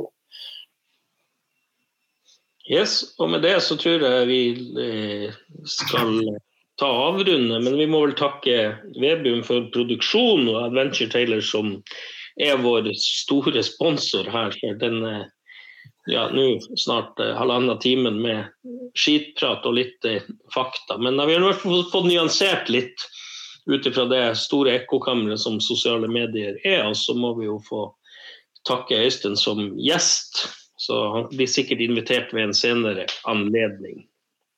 Ja, det skal han. Så det kamp på torsdag allerede, og vi kommer kanskje med en oppdatering. Så på gjensyn og gjenhør, alle våre lyttere.